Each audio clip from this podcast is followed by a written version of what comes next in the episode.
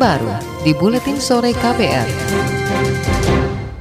Saudara korban Undang-Undang Informasi dan Transaksi Elektronik atau UU ITE baik Nuril telah mengantongi rekomendasi dari Menteri Hukum dan HAM Yasona Lauli untuk mendapatkan amnesti Presiden. Kuasa hukum Nuril Erasmus Napitupulu menyebut surat rekomendasi itu telah diserahkan langsung Yasona kepada kliennya di kantor Kemenkumham pagi ini. Kabarnya surat tersebut juga sudah dikirimkan ke istana melalui Kementerian Sekretariat Negara. Rekomendasi itu merupakan hasil pembahasan dengan sejumlah pakar hukum yang digelar Senin lalu. Ada kabar baik, saya rasa karena kabar baiknya adalah Kementerian Hukum dan HAM pagi tadi meminta uh, tim kami datang ke sana juga untuk kemudian Ibu Doril bersama dengan Menteri Hukum dan HAM menandatangani surat uh, rekomendasi ya dari uh, uh, Menteri Hukum dan HAM terkait dengan pemberian amnesti uh, kepada Ibu Nuril kepada Presiden Eh, Joko Widodo. Kuasa hukum Nuril Erasmus Napitupulu yakin berbekal surat rekomendasi Menkumham itu langkah baik Nuril mendapatkan amnesti semakin mulus. Terlebih Nuril juga mendapatkan dukungan besar dari DPR. Saat berkunjung ke gedung parlemen kemarin pimpinan DPR berkomitmen mendukung amnesti bagi Nuril. Istana Kepresidenan menjamin Presiden Jokowi akan bijak memutuskan permohonan amnesti Nuril. Deputi Bidang Politik Hukum Keamanan dan HAM Kantor Staf Presiden Jaleswari Pramodar Wardani mengatakan Jokowi memiliki komitmen kuat untuk melindungi perempuan dari tindak kekerasan. Hal ini diungkapkan Jaleswari usai menerima kuasa hukum Nuril di KSP. Uh, Presiden uh, merespons ini ya,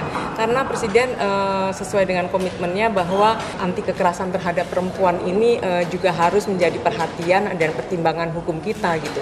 Dan uh, kemudian uh, ini langsung diserahkan kepada kementerian yang selama ini mengurus itu. Jadi Presiden butuh pertimbangan-pertimbangan masukan-masukan hukum dari uh, Menteri Menkumham dan ini kan dilakukan dengan cepat dan dengan diskusi dan uh, kolaborasi dengan kawan-kawan semua. Jaleswari mengatakan pemerintah bakal mempertimbangkan desakan revisi UU ITE yang telah memakan banyak korban termasuk soal menerbitkan peraturan pemerintah pengganti undang-undang atau Perpu. Kata dia, pemerintah masih membutuhkan waktu mengkaji usulan tersebut meski sudah menerima banyak masukan. Jaleswari menegaskan pemerintah juga tak ingin Undang-Undang ITE menjerat lebih banyak korban atau menghalangi seseorang mendapatkan keadilan. Wakil Presiden Yusuf Kala meyakini proses pemberian amnesti dari Presiden untuk baik Nuril terpidana akan berjalan mulus. Meski belum mengetahui perkembangan terbaru, JK mengatakan amnesti sangat mungkin diberikan. Presiden dan juga pemerintah melalui Menkumham siap mengkaji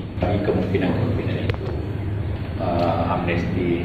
Tapi untuk tentu sama-sama sudah diketahui untuk kita amnesti perlu persetujuan DPR.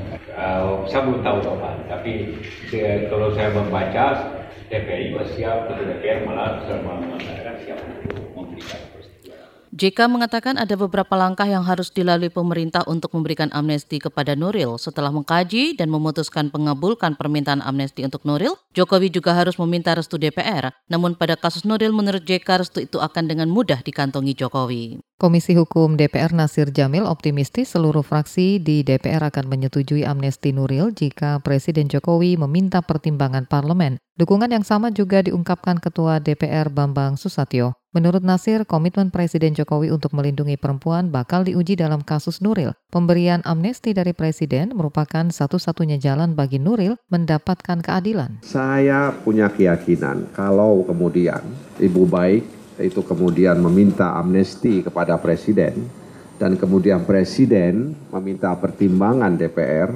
saya hakul yakin bahwa seluruh fraksi di DPR akan memberikan persetujuan kepada Presiden terkait pemberian amnesti kepada Ibu Baik Nuril.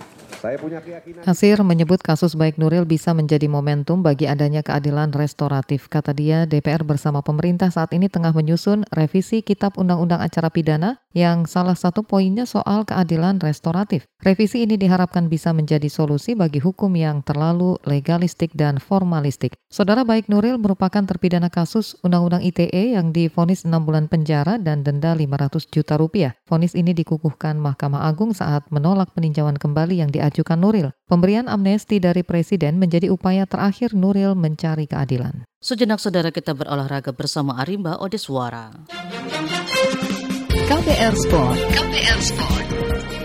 Bekas pebulu tangkis putra Indonesia, Hendrawan, mengisyaratkan bakal kembali melatih pelatnas PBSI. Hendrawan saat ini masih terikat kontrak dengan Asosiasi Bulu Tangkis Malaysia hingga Juni 2020 mendatang. Ia mengaku tak ingin memperpanjang kontraknya setelah Lee Chong Wei pensiun.